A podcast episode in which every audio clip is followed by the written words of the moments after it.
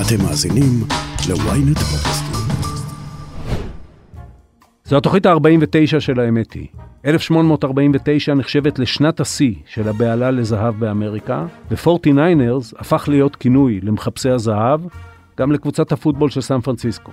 49 ימים יש בספירת העומר, ו-49 היה הכינוי של פלוטוניום בימי פרויקט מנהטן, הפרויקט שיצר את פצצת האטום הראשונה, ואולי התחיל את הספירה לסוף העולם.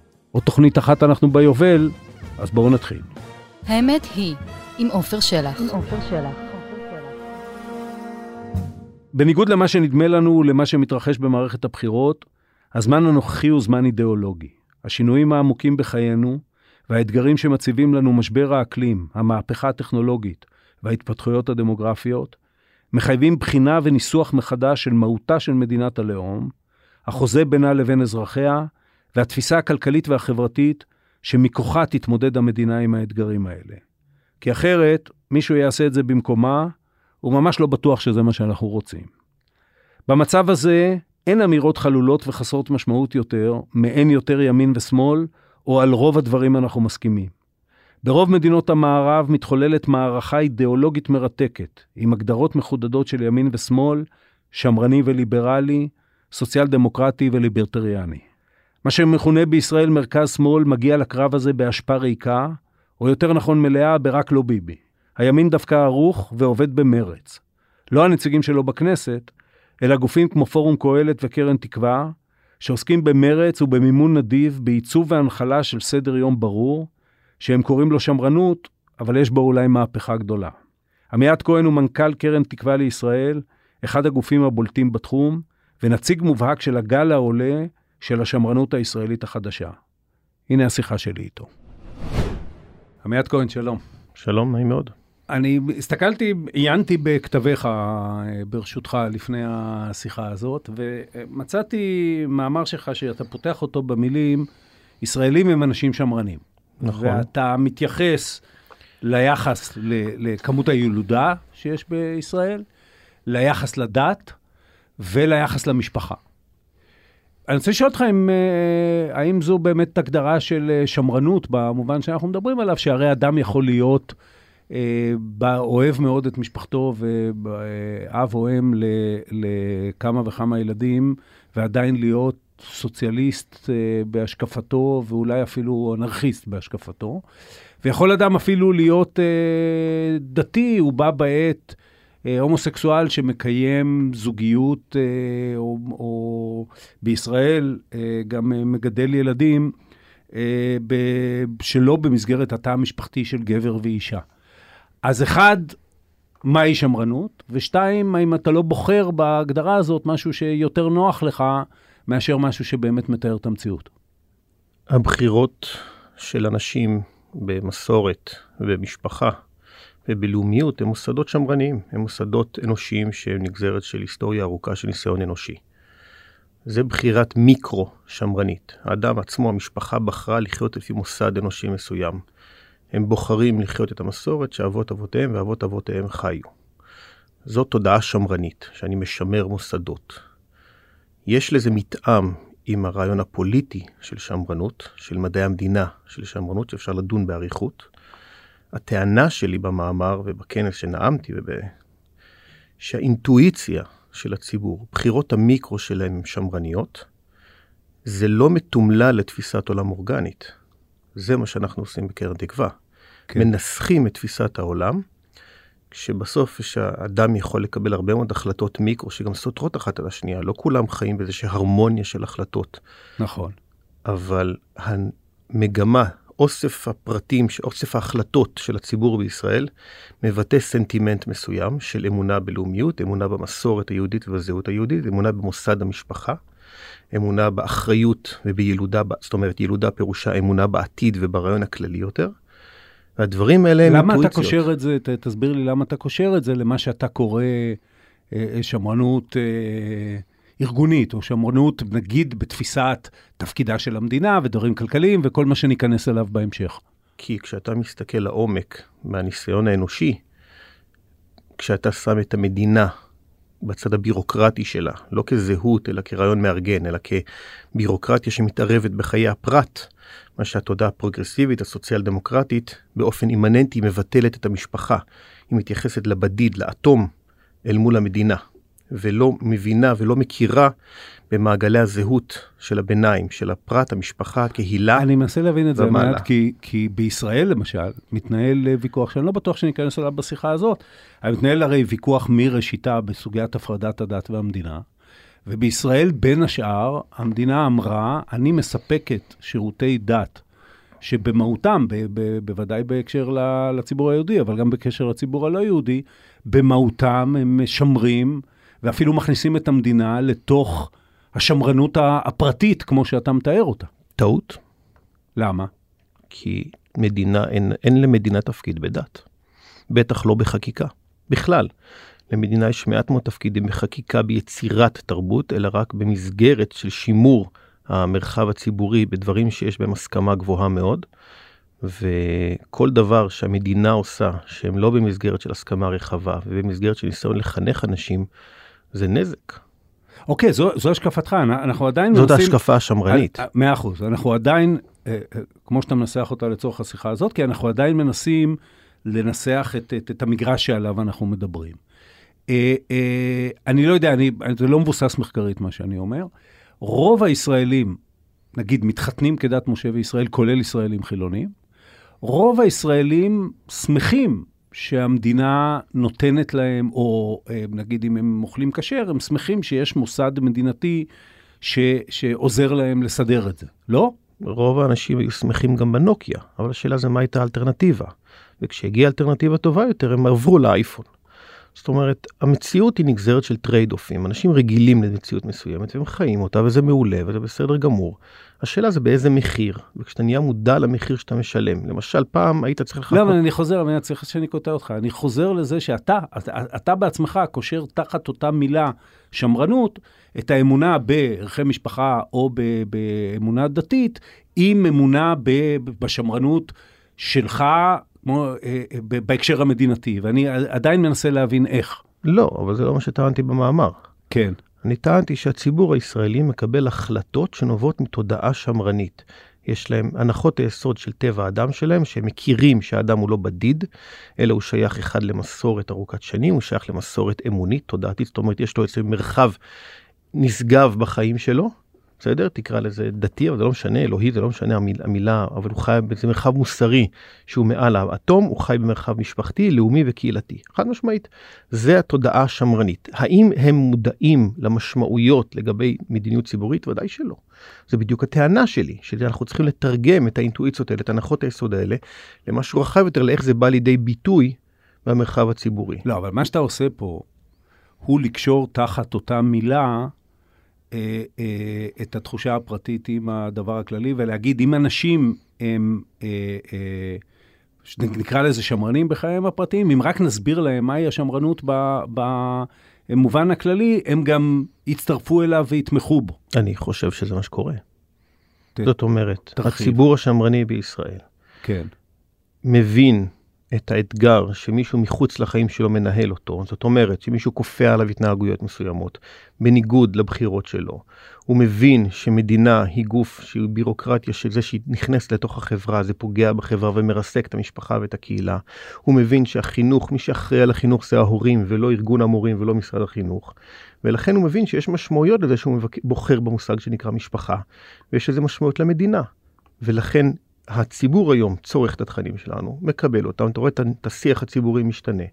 ובוא תתחרט, תגיד, תטען טענה אחרת ובוא נתווכח. אני, מטרת השיחה הזאת, אולי יתפתחו בינינו אה, ויכוחים, כי אני לא חושב שאנחנו מסכימים ברוב הדברים בהקשר, בוודאי בהקשר המדינתי, אבל מטרת השיחה היא קודם כל להבהיר את העמדה שלך.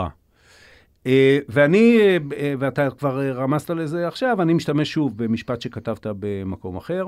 כתבת, במקום למלא את תפקידה העיקרי כרשת ביטחון למצבי חירום, מעדיפה המדינה בת זמננו לכלות את משאביה על ניסיונות מזיקים לתקן את החברה. נכון. שזה בעצם, אם אתה רוצה, תמצית ההשקפה השמרנית, נכון? זה נכון. מדינת שומר הלילה, תקרא, ל- לא, לא, לא, לזה, לא, לא, לא. נקרא לזה איך שנקרא, המדינה בסוף זה ארגון שאנחנו עשינו כדי לעזור לנו לעבור מצבים קשים, ב- או, או לספק לעצמנו דברים שאנחנו לא יכולים לבד, כמו ביטחון, או בבתי חולים, או כבישים, וכן הלאה, הא ותו לא. ואילו המדינה הקיימת, מה היא עושה? אז בואו נתחיל שנייה בהנחות יסוד, ואז כן. נגיע לתשובה לשאלה. כן. יש הבדל בין חברה למדינה. חברה זה בני אדם, מדינה זה בירוקרטיה, זה מנגנון. מנגנון יש לו יתרונות וחסרונות, ולחברה יש יתרונות וחסרונות. אם מערבים את המדינה בתוך החברה, וזה ניסיון אמפירי אנושי, לא המצאה שלי, היא מפרקת את החברה. כי היא מחליפה מנגנונים חברתיים שדורשים קונפליקטים ודורשים השארת סמכות ואחריות במרחב הפרטי, וכשהמדינה לוקחת את זה, היא מפרקת את המנגנונים שנבנו במרחב.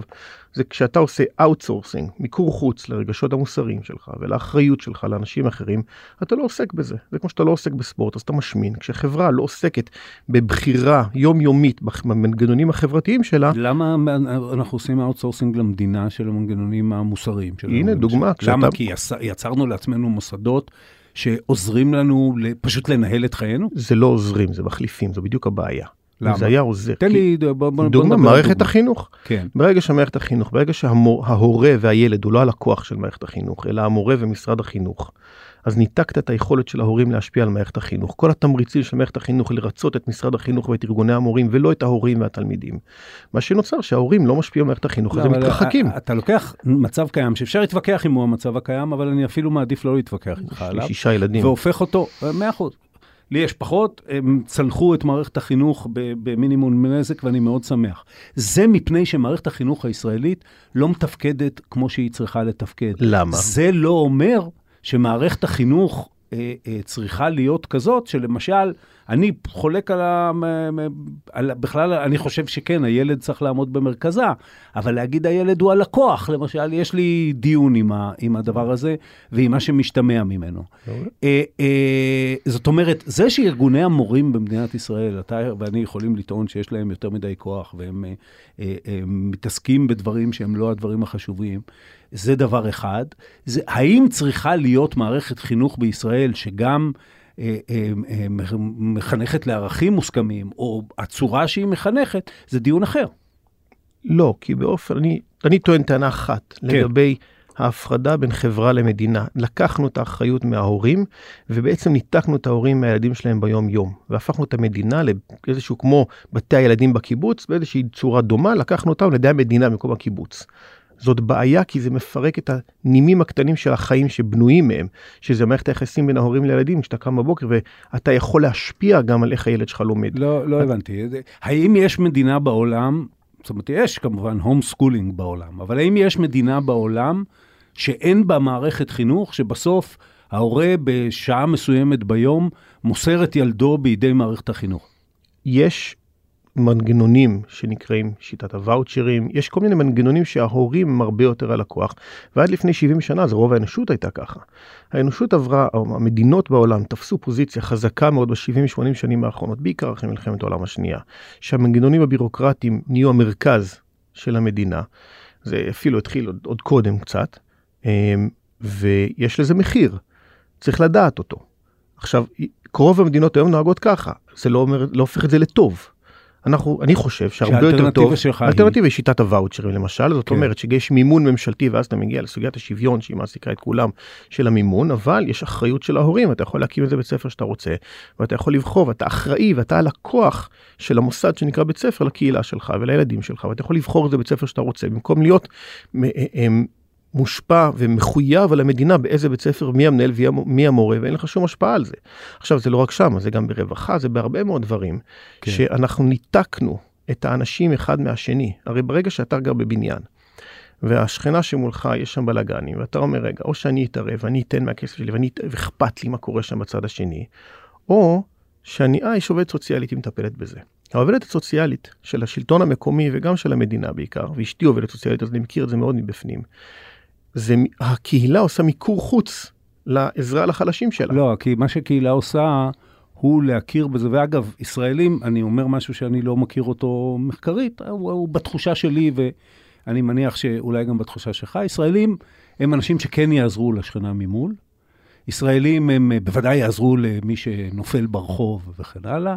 ישראלים תורמים אה, לא מעט. מעט. זה, זה לא מעט, אומר... זה לא נכון. השאלה מעט. למה? השאלה למה? אני, לרווחה. מה, אני מסכים איתך. גם לרווחה הם תורמים מעט, המספרים המוחלטים. הישראלים, עדיין צריכה להיות מערכת, וחלק מחברה זה מערכת, שאומרת המדינה כגוף מאורגן, בין השאר גם עוזרת לחלשים בתוכה. אין שום בעיה, אז יש כן. עוזרת לחלשים ויש איך היא עוזרת לחלשים. אוקיי. והטענה שלי שהמדינה התערבה הרבה יותר מדי בתוך המרחב האישי, המרחב של החברה, אני קורא לזה, ויצרה תמריצים שליליים נוראיים מאוד להרבה מאוד דברים, והיא יותר פגעה מאשר עזרה. כי אתה יכול לעזור בנגזרת ראשונה ולייצר נזקים אדירים בנגזרת שנייה ושלישית. ואני אתן, אני ארחיק את עדותי מישראל לרגע בשביל לתת את הדוגמה הזאת שהיא היא, היא מחקרית אמפירית. כן. בסדר? בארצות הברית יש לינדון ג'ונסון, בסדר? כן. הפרויקט הגדול שלו בשנות ה-60 היה הגדולה. החברה הגדולה, שזה כן. בדיוק האוקסימורון שאני מדבר עליו, כן. ההפרדה בין חברה למדינה. כשהמדינה עוסקת בחברה זה התחלה של נזק. ומה שהוא עשה זה אמר בוא נחפש את האוכלוסייה הכי חלשה בארצות הברית והגיע לשחורים בארצות הברית ומי האוכלוסייה הכי חלשה בשחורים ואז הוא הלך לאימהות החד-הוריות. ואז הוא אמר, הוא אומר גברת אה, אם חד-הורית שחורה בוא אני אעזור לך אני אתן לך כסף. הוא נתן לה כסף ואז מה קרה בתהליך ארוך? שכל ברגע שמשהו שווה כסף כולם עושים אותו. היום בארצות הברית 75% מהאימהות מהמשפחות, מהמשפחות השחורות בארצות הברית, הן חד-הוריות עם אימא בלבד. אתה מייחס את זה לכסף? זה לא אני מייחס, זה צ'ארלס מארי כן. מייחס את זה, זה מחקרים אמפיריים שמייחסים את זה למערכת תמריצים מאוד מאוד ברורה, שהכסף, ההכנסה שאישה חד-הורית הרוויחה הרבה יותר גדול מאשר מה שהבעל פרנס, ולכן התמריץ בהתחלה זה היה רק לגרש באופן נקודתי ולחיות ביחד, ואז הפקיד הגיע וראה שהם חיים ביחד, אז גם את זה הפרידו להם. ספר שנקרא מתקדמים לאחור, שהוא מחקר מעמיק של צ'ארלס מארי על הנושא הזה, והיום 75% מהילדים השחורים בארצות הברית גדלים בלי אבא וגל... וחיים בלי אישה. עכשיו, מה המשמעויות של זה? כי לכאורה הצלת את האישה. המשמעויות של זה זה הכנופיות השחורות שיש הברית, וזה ש-45% מהפושעים שבבתי הכלא הברית הם שחורים, זה כי מחקרים אמפיריים, לא שלי כמובן, שאדם ש... אין לו משפחה, גבר בלי משפחה וילד שגדל בלי אבא, מגיע לפשיעה באחוזים הרבה יותר גבוהים. זה נגזרת של הרצון הטוב, ואני לא חולק שהיה ללין ג'ונסון, רצון טוב, התוצאה בנגזרת שנייה ושלישית היה נזק אדיר. היום 50% מהילדים בארה"ב נולדים מחוץ למשפחה מסודרת, יש לזה מחירים. זה נקרא פירוק החברה. פירוק החברה היא כשהמדינה מתערבת בתוכו. אני, אני אגיד לך, לא, הרי לא ניכנס לוויכוח עכשיו על זה, ו- ו- ונגיד שכל פרשנות של זה, בטח בארצות הברית, שבמידה רבה גם השיח, ואני אומר את זה בעיניי ממש לחיוב, במידה רבה השיח שאתם מובילים, הוא גם, כולל גם אה, אה, התמיכה בכם, היא באה ממקורות אה, אמריקאים, ואני חושב שזה, אה, בארצות הברית היא, זו חברה שעסוקה ב- ב- באופן אולי לא מאורגן, אבל בוויכוח על ערכיה.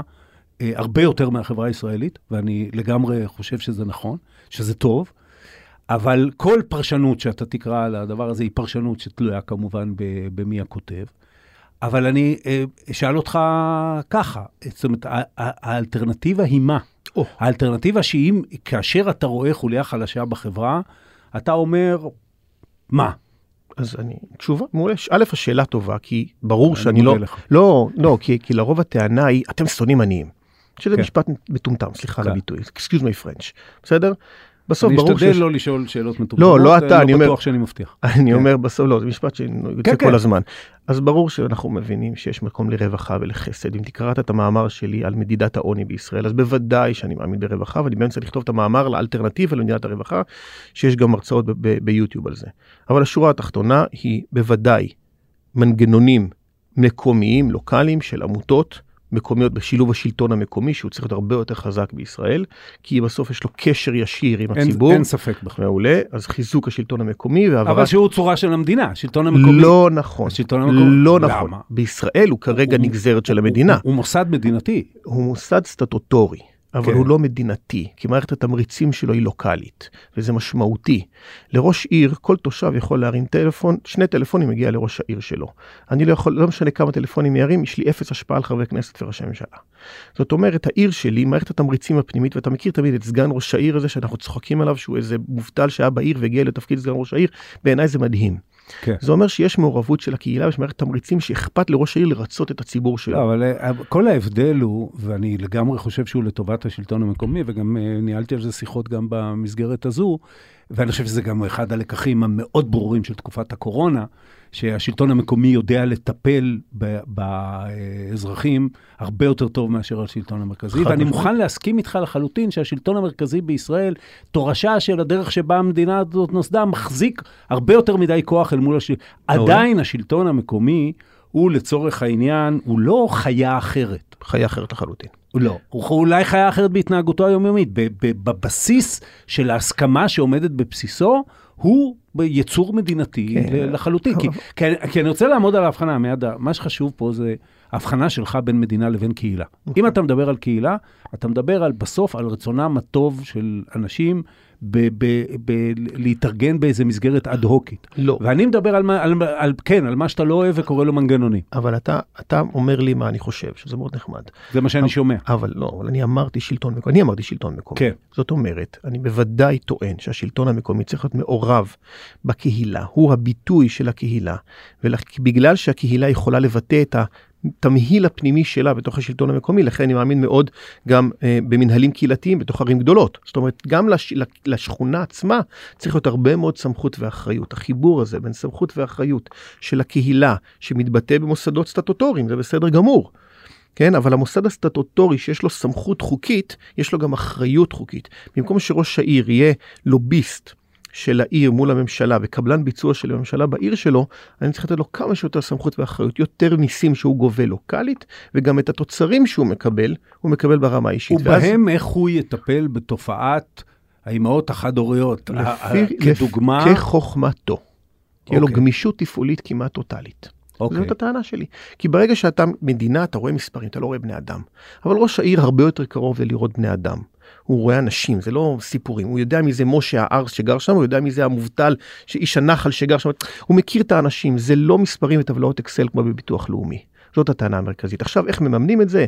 אני חושב שצריך להיות במצ'ינג מול תרומה של הקהילה מצד אחד, ומצ'ינג ממשלתי מהצד השני, או של השלטון המקומי. התמהיל הדרך הזאת, יש מאמר שנכתב בימים אלה שמסדר את זה בצורה אורגנית. אבל הנקודה היא שאדם עני, וזאת התפיסה השמרנית, זה לא, בגלל- לא חסר לו כסף. כסף הוא ביטוי לבעיות, הרבה מאוד תמהיל, אחר, תמהיל של הרבה מאוד בעיות אחרות. כן. של קבלת החלטות של מבנה משפחתי, של החלטות ישנות, של המון המון החלטות שהתקבלו, והפתרון הוא לא לזרוק עליו כסף, אלא הפתרון הוא מאוד מאוד פרטי שלו, או שלה, כן? של המשפחה הזאת, של המבנה הזה, איך, איך אפשר לבנות את זה. עכשיו, אני מדבר איתך עם ניסיון של הרבה מאוד שנים שאני מעורב בתחום הזה ברמה האישית, באופן וולונטרי. לא, מוטמעת בזה, מוטמעת בזה, אפילו אמונה, אם אנחנו חוזרים לדוגמה האמריקאית, יש אמונה אמריקאית בסיסית ביכולתו של האדם למשוך את עצמו בשערות ראשו מהמקום שהוא נמצא. לא, זה, אה, זה, לא מה שאמרתי. באמרסון ות'ורו, כן? זה self-reliance. יש בזה אה, התעלמות, זה לא, אני לא אגיד בחיים שונאים עניים וכן הלאה, אבל יש בזה התעלמות מזה, שלפעמים אדם לא יכול. אוקיי, אז לפעמים אדם לא יכול... ולפעמים אדם נמצא בחברה שגם מקשה עליו. חד משמעית, לפעמים כן. יש מקרים שאדם כן. לא יכול, זה מקרה הקיצון. אתה לא מייצר מדיניות ציבורית על בסיס יוצאי הדופן. זאת תפיסה של מדיניות ציבורית אחרת. אתה מייצר, יש לי אמון באדם שהוא יכול להצליח, יש לי אמון באדם שאם אתה נותן לו את. אתה, אתה סולל לו את הכביש, הוא יצליח לרוץ, ודווקא התמריץ של אם אתה מקבל את מה שאתה עמל עליו, אז זה טוב לך, מאמין בגודל באדם, אבל מקרי הקיצון צריך לטפל בהם במקרי קיצון, וכן, יש אנשים שלא יצליחו אף פעם, ויש אנשים שנכשלו והם חלשים וצריך לעזור להם, אבל אתה לא יכול לייצר את הכלל על פי היוצאים מן הכלל. אני רוצה לקחת אותך לדוגמה מאוד חזקה, שהיא אולי ייחודית לישראל, אבל היא, היא בהחלט, אה, אפשר להסתמך בה כדי ל- ל- גם לעשות את זה אה, רלוונטי לנו וגם כדי להבהיר את זה, וזה הציבור החרדי. אה, שהוא קהילה שבוחרת, אני אה, קטונתי בוודאי מלדעת מה בליבו או בליבה של אה, אה, כל חבר בקהילה החרדית, אבל היא בוחרת ככלל, למשל, בהחלטתה הקולקטיבית או של חלק גדול ממנה, לא ללמד לימודי ליבה בבית הספר, ולמעשה למנוע מהילדים שלהם כישורי חיים שהם בדיוק בהחכה שאתה מדבר עליה, לתת לאדם אה, אה, דג, אה, חכה ולא דג. והמדינה, מצד שני, תבוא אתה, ותתקן אותי אם אני טועה, ותגיד, דרישה מדינתית ללמד לימודי ליבה במגזר החרדי, או אמירה מדינתית, אנחנו לא נתקצב מי שלא מלמד לימודי ליבה, היא מה? היא מגונה על פי שיטתך, או שהיא הדרך היחידה של המדינה להתמודד עם זה? היא לבנות בית חולים ליד הגשר הרעוע. הבעיה של המדינה עם החברה החרדית שהיא מסבסדת אותם.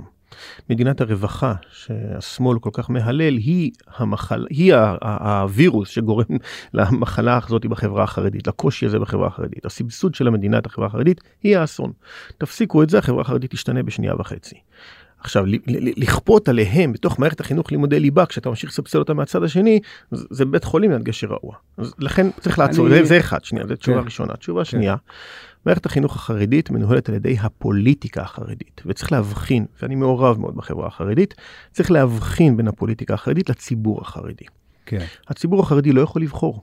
הוא נגזר מגורמים פוליטיים שמחליטים איזה בית ספר אפשר להקים לחברה החרדית, כי הייתי מעורב בהקמה של בתי ספר חרדיים. ואתה נדרש לפקיד שהוא נגזרת של המפלגה, והמדינה היא זאת, מדינת ישראל היא זאת שמעניקה את הכוח והסמכות למנגנונים הפוליטיים בחברה החרדית להשפיע על החברה. אז למה הציבור החרדי לא מתמרד? כי הציבור החרדי יש לו מערכת תמריצים משלו, והוא כן מתמרד, ומי שאתה מכיר את הגילאי 30 מינוס בחברה החרדית, הם שונים לחלוטין מהדור שלפניו. יש מגמות של שינוי, אני צריכה לקרוא, להיכנס לאתר צריך עיון ולעיין בו, זה פרויקט שלנו, שאנחנו עסוקים בו המון המון, זה כבר כמה שנים, ו... ו יש עיסוק בתוך החברה החרדית, אבל זה תהליכים שלוקחים זמן, ומי שמייצר את רוב הנזקים זה דווקא המדינה.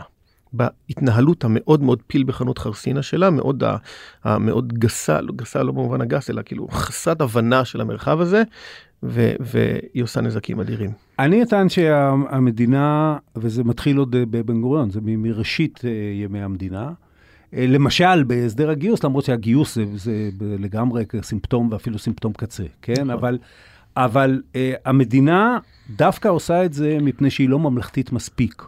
מפני שמהיום הראשון של מדינת ישראל, בעוד uh, עומד בראשה האדם שנשא את, uh, את הממלכתיות uh, ב, ב, על כפיים ועשה בשביל זה, אפילו הגיע לשפיכת דם בשם הממלכתיות. בצד זה היא התחילה במסכת של הסדרים פוליטיים נקודתיים שנועדו לשמר את השלטון, בהתחלה בידי מפא"י ואחר כך בידי הליכוד, ובעצם לא הייתה ממלכה מעולם. זה לא שה... ממלכה מעצם טיבה היא מזיקה, כמו שנדמה לי שאתה אומר, אלא כשאתה לא ממלכתי אתה גם סובל. אז אני חושב שהדימוי הזה של ממלכה זה איזשהי אורגניזם אחד שעובד תמיד בהרמוניה, זה דמיון שלא קיים במציאות. בני אדם, יש להם אינטרסים אישיים, לעולם זה אימננטי, זה טבעי באדם, יש תמריצים שונים, והדבר היחיד שמסדר את כולם לכיוון המרכז, זה האחריות על המחיר שהם משלמים. אם החברה החרדית, בארצות הברית תראה אותה, שם יש להם, אין להם ברירה אלא לנהל את עצמם. למרות מדינת רווחה מאוד uh, שופעת שם, אבל זה סגנון אחר.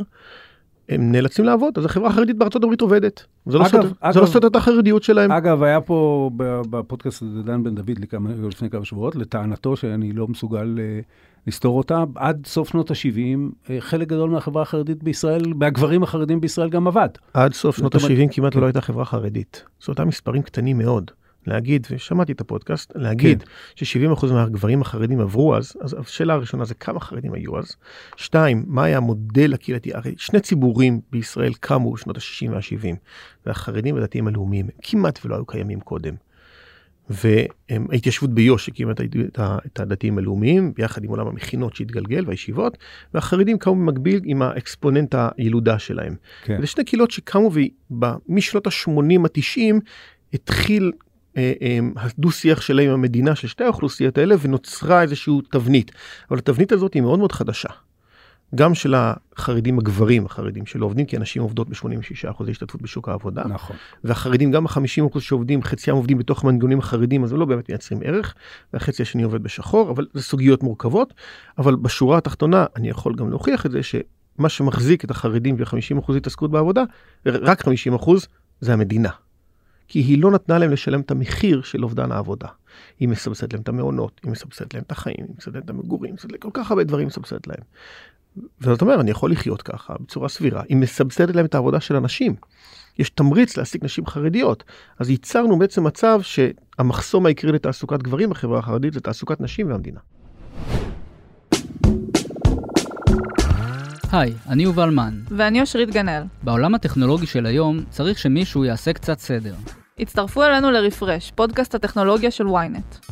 בכל שבוע נדבר על מה שחדש ומעניין בעולם הדיגיטלי. רשתות חברתיות, גאדג'טים, המצאות חדשות, וגם הפוליטיקה של חברות הענק. חפשו רפרש בוויינט או באפליקציית הפודקאסטים שלכם. אתה מתייחס גם במאמרים שלך למה שנחשף במשבר הקורונה, שהוא, אין ספק, ואנחנו נסכים על זה לגמרי, שהוא אה, נתן לנו לא רק אה, אה, איזושהי מכה על התודעה, אלא גם טעימה מהעולם שאליו אנחנו נכנסים. ואנחנו נקדיש את החלק הזה של השיחה לדון בעולם הזה, כי סוגיית, אגב, אני, אני אומר את זה בפתיח, הזמנים בעיניי הם זמנים מאוד אידיאולוגיים, מאוד. והקורונה פתחה לנו צוהר לתוך עולם שהגורמים המובילים בו יהיו, בכל העולם, הם יהיו משבר האקלים והזדקנות האוכלוסייה לגיל שכל האקטואריה של מדינת הרווחה, כמו שהיא נוסדה, לא עומדת בו, וכמובן השתנות עולם העבודה, כניסה של AI ו- וכן הלאה והלאה. ועכשיו, הפוליטיקה בכל העולם, ובטח בישראל, תקועה באיזה מקום זהותי שאין לו שום רלוונטיות לשיח הזה. אני מנסה להבין את ההשקפה שלך לגבי תפקיד המדינה בשיח הזה. אתה מתייחס לזה שבקורונה נחשף, נחשפה אולי ערוותה של הגלובליזציה. זאת אומרת שהמדינה בסוף, משפט, ברגעי משבר דרמטיים, מתברר שמבנים על-לאומיים אינם יכולים להחליף את המדינה. אני אגיד שהצד השני של אותה מטבע, זה שיש צורך עצום במדינה. ברגעי משבר כאלה, אה, אה, אני אשאל אותך ככה, האם בהתחלת הקורונה, אה, ואולי בהמשך, חשבת שהמדינה צריכה לעזור לעסקים שיפשטו רגל? חד משמעית, אבל זה בדיוק מה שציטטת בציטוט הראשון. המדינה צריכה להיות ברגעי משבר, היא חברה, כן. יש לה תפקיד, וזה, אני חייב להדגיש, זה לא התפקיד היחיד של המדינה, כמו שציירת. זה אחד התפקידים המרכזיים, מקבל. אבל אחד התפקידים המרכזיים הוא להתכונן לשעת משבר. יש לה תפקיד, מרכיב כזה שנקרא חברת ביטוח גדולה שאני לא יכול לעמוד. אני עסק, אני יכול לייצר מערכת סיכונים והגנות מפני סיכונים מסוימים, אני לא יכול להתכונן לפני רעידת אדמה, לא יכול להתכונן לפני מלחמה ולא פנדמיה עולמית. אז המדינה בוודאי צריכה לסייע, בוודאי כשהיא זאת שנועלת את הבתים, אבל לגבי, לסייע לגבי אירועי קיצון כאלה, אבל המטרה היא לאפשר את המשך החיים מיד אחר כך. ולא בשביל לפתור לעסק את הבעיה, אלא פשוט ליצור גשר בשעת משבר. אבל זהו, באותו, זאת אומרת, בסיטואציה אתה לא הכלכלית. מזהה שמרנות עם מה שמכונה, נגיד, ליברטריאניות כלכלית, שאומרת, אה, בסוף, החזקים, הדרוויניזם הכלכלי, דרוויניזם לא משתמשים בזה כמילת גנאי, אבל אני אומר, הדרוויניזם הכלכלי הבסיסי יגיד שמי שמספיק חזק ומספיק נכון יעמוד על הרגליים, ומי שלא נכון, אז כנראה שלא היה צריך לעמוד על הרגליים. ליברטריאניזם היא תפיסת עולם לא מוסרית בעיניי וגם לא נכונה. מה שמייצר יציבות כלכלית זה דווקא מערכת משפט ומדינה חזקה. כן. אבל מדינה חזקה במסגרת מערכת המשפט ולא בהתערבות בכלכלה. זאת אומרת, יש דיוקים פה מאוד חשובים. אני לא ליברטריאן, אני חושב שליברטריאניזם ואובג'קטיביזם של איין רן למשל זה אסון מוסרי. כן, אבל לכן וגם אני- חרא של ספרות אם מותר לי. בסדר, כן. זה, זה הפרנד שלך. אבל, אבל בשורה התחתונה, אני שמרן, אני לא ליברטריאן. זה עולם אחר של רעיונות, יש מתאם מסוים בתחומים מסוימים לגבי אחריות האדם על חייו ברמת הציפייה של החברה, שונה מאוד לגבי כמה הקהילה חשובה, האם האדם הוא בדיד או יש לו מערכ- מערכת אה, מעגלים חברתיים אנושיים אחרים שהם אימננטיים, כמו נייר הלקמוס, אם כשאתה הולך לפילוסופיה ואתה בודק את ההוגים, תבדוק מה, מה איך הוא תופס את המשפחה. האם המשפחה היא מנגנון טבעי, או שזה מנגנון תועלתני. כש- כשז'אן ז'אק רוסו כותב שאדם חופשי והוא לא צריך לכבד את ההורים שלו אחרי גיל 6, בסדר? אז הוא בעיניי ליברטריאן. בעיניי אני אגיד לך מה הבעיה איתו, ו- ולא אכפת לי ללכת למקום הזה, זמן יש לנו. הבעיה איתו זה ש... אה, ואולי גם עם השיח בכלל, זה שהוא אה, מתעלם מזה שהאדם הוא חיה מורכבת. נכון. ושבתוך האדם, אתה יודע, פעם עשיתי אה, אה, כתבה מאוד גדולה על, הקיבוצים, או הייתי עוד אחד ממספידי התנועה הקיבוצית, אה, ואמר לי דווקא מוקי צור, שהוא היסטוריון של התנועה הקיבוצית, משפט מאוד יפה, הוא אמר, תראה, בדרך כלל קומונות, צורת חיים הזאת לא מחזיקה מעמד יותר מדור. הקיבוץ היה ניסיון שזה יחזיק יותר מדור, וזו הייתה אחת מהחולשות שלו. אבל מעולם לא פסו הקומונות מן הארץ. זאת אומרת, בצד הרגש שמתאר רוסו אולי בצורה מאוד קיצונית, ו- וכנראה זאת הייתה כוונתו, לעשות uh, פרובוקציה בעניין הזה, בצד הצורך בזוגיות יציבה, בצד מערכת היחסים הטבעית בין הורים לבין ילדיהם, יש את הצד השני של הטבע האנושי, ואולי אנחנו צריכים לקבל את מורכבותו. אולי אנחנו צריכים להגיד, אה, אה, זה לא... משפחה זה קדוש, כאשר הוא קדוש, בבחירתך שהוא קדוש, יכול להיות שהוא לא. אז א', אני מסכים איתך לחלוטין לגבי ההתעלמות של רוסו וגם של הובס, אגב, מהמורכבות של האדם. כן. אמ, עקרונית הנאורות ככלל התייחסה לאדם בתור אמ, אך ורק מנגנון שכלי. והמוסר נקבע כדי העיקרון השכלי וכל תנועת האנטי נאורות שהפוסט מודרנה והשמרנות שלובים זה בזה בסיפור הזה וזה לא ניכנס לפה אבל טוענת שאדם הוא מורכב יותר. ומי שקורא את אדמונד ברק יודע להגיד אדם יש לו לא רק שכל יש לו גם רגש ודמיון ורצון ומרכיבים ומסורת והמון המון מרכיבים שמקבלים שמניעים את קבלת ההחלטות שלו ולכן אחד אני לא יכול להגדיר בדיוק מה זה אלא המסורת פה היא הביטוי של תמהיל של כל הדברים האלה זאת שורש התפיסה השמרנית ופה אני מסכים איתך לחלוטין. קומונה שרוצה לקום תפאדה בכיף רק תהיי אחראית על התוצאות של מה שאת עושה. זאת אומרת אל, אל תצפי ממני לשלם את המחיר של הטעויות שלך. ולכן אני מאוד בעד שוק חופשי של רעיונות ומי שרוצה להקים מנגנונים משלו וקומונות שיצליחו אני בעד אבל חובת ההוכחה עליכם והמחיר הוא שלכם. ולכן המדינה היא מסגרת יציבה ובפנים מה שקורה אני שוק חופשי שלם. בוא, בוא אה, אה, לקראת סיום נדבר על, ה, על המפעל שקרן תקווה היא חלק ממנו, אה, שהוא, אני אומר לך כמי שרעיונית אה, שייך לצד השני, הוא מפעל מרשים. אה, והוא מרשים ברוחב שלו והוא מרשים ביסודיות שלו. מטרתו היא? הצעת אלטרנטיבה שמרנית להתנהלות המדיניות הציבורית במדינת ישראל. אנחנו עוסקים ביחסים בין הפרט לכלל. כן. ובמדינת ישראל יש איזושהי מונוליטיות אינטלקטואלית. זאת אומרת, רק צד אחד של המפה האינטלקטואלית תורגם לעברית, רק צד אחד מלמדים באקדמיה.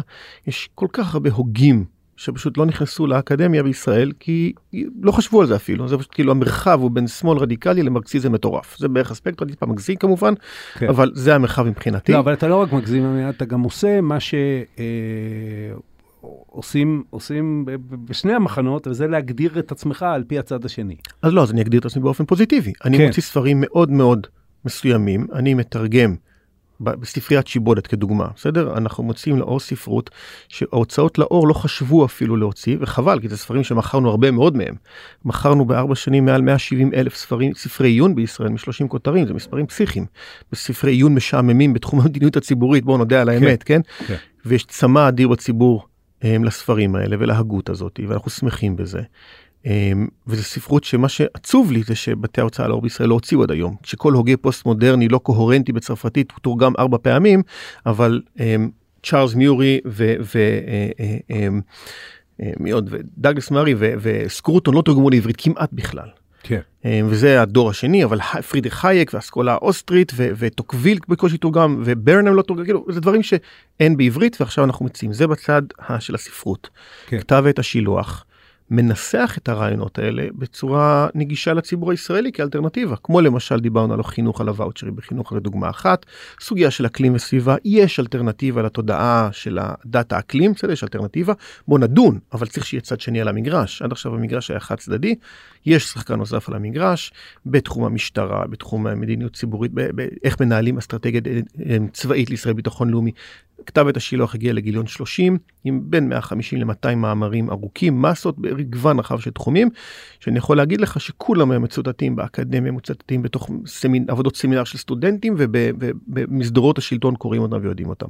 כן. מערכת המשפט. דבר שלישי זה הכשרה של סטודנטים. זאת אומרת אנחנו יש לנו סמינר יש לנו מכון ארגמן שזה בעצם סוג של אקדמיה חוץ אקדמית לא בלי המל"ג בלי כלום שאנחנו עוסקים בביטחון לאומי ברעיונות מופשטים ובמדיניות ציבורית. אמ, ועוסקים בזה בעומק עם ספרות שהסטודנטים בוגרי פוסט דוקטורנטים בכלכלה ועד מסטרנטים במדיניות ציבורית ש-90% מהטקסטים אפילו לא הכירו את השם שלהם עזוב לקרוא את הטקסט אמ, וככה מציעים אלטרנטיבה. ואי אפשר שלא אה, לעמוד על זה, שיש בין קשר לזה לבין מה שמוגדר ימין בישראל, שזה הגדרה, זו המדינה היחידה שמגדירה ימין ושמאל לא על בסיס אה, של רעיונות כלכליים וחברתיים, אלא על בסיס של אה, יחס טריטוריאלי. נכון. וזה קשור, תסביר לי את הקשר האוטומטי בין זה לבין השקפה מסוימת בעניין עתיד יהודה ושומרון או, או מערכת היחסים שלנו עם הפלסטינים? הפוך, אני לא מתעסק כמעט בסוגיות האלה. כי כן. אנחנו, אני גם לא קורא לעצמי איש ימין, אני קורא לעצמי שמרן. כי החלוקה הפוליטית בישראל עמדה סביב שתי סוגיות מרכזיות, דת ומדינה. ויחס ליהודה ושומרון. דעתי לגבי שניהם היא הרבה יותר מורכבת ממה שהחלוקה הזאת מאפשרת, ויש לי כל כך הרבה נושאים אחרים שלא הימין, השמאל כן עסק יותר, אבל הימין לא עסק בהם בכלל, ולכן השבר הפוליטי הוא צריך להיות הרבה יותר אלכסוני. אני חושב שרוב מצביעי יש עתיד יסכימו עם הדעות שלי בתחום הכלכלה והחברה. אני חושב שרוב מצביעי יש עתיד יסכימו איתי בתחום של אה, אה, דת ומדינה. אני חושב שהם לא יסכימו איתי בתחומים אחרים, אבל יש מתאם הרבה יותר רחב מאשר מחלוקת במרחב השמאל, אבל ברגע שהשבר הפוליטי הוא אך ורק על שני נושאים, אז באמת יש קושי. אמ, מה שאנחנו מנסים לעשות זה להרחיב את המפה ולשים על המגרש רעיונות שלא קיימים בשיח הישראלי ובעצם לשנות את היסודות שהתפיסה הפוליטית בישראל מדברת, את השפה שלה. אני אגיד לך מה קורה בפועל. בפועל הפוליטיקה אמ, מתכנסת כפי שדיברנו ונדמה לי הסכמנו קודם. סביב סוגיות של זהות בכלל. אני, לא, אני אפילו לא מדבר על החור השחור הזה שנקרא סוגיית נתניהו, אני, נתניהו, אני מדבר לא על האדם, אלא על הסימבול הזהותי, שהיום אה, אה, בכלל, אתה יודע, רע"מ וימינה יכולות לשבת מצידו האחד, ו, ואנחנו מגיעים לרגע הבאמת באמת אבסורדי, שבו בצלאל סמוטריץ' מצביע נגד תקנות איו"ש ומרץ מצביעה בעדם.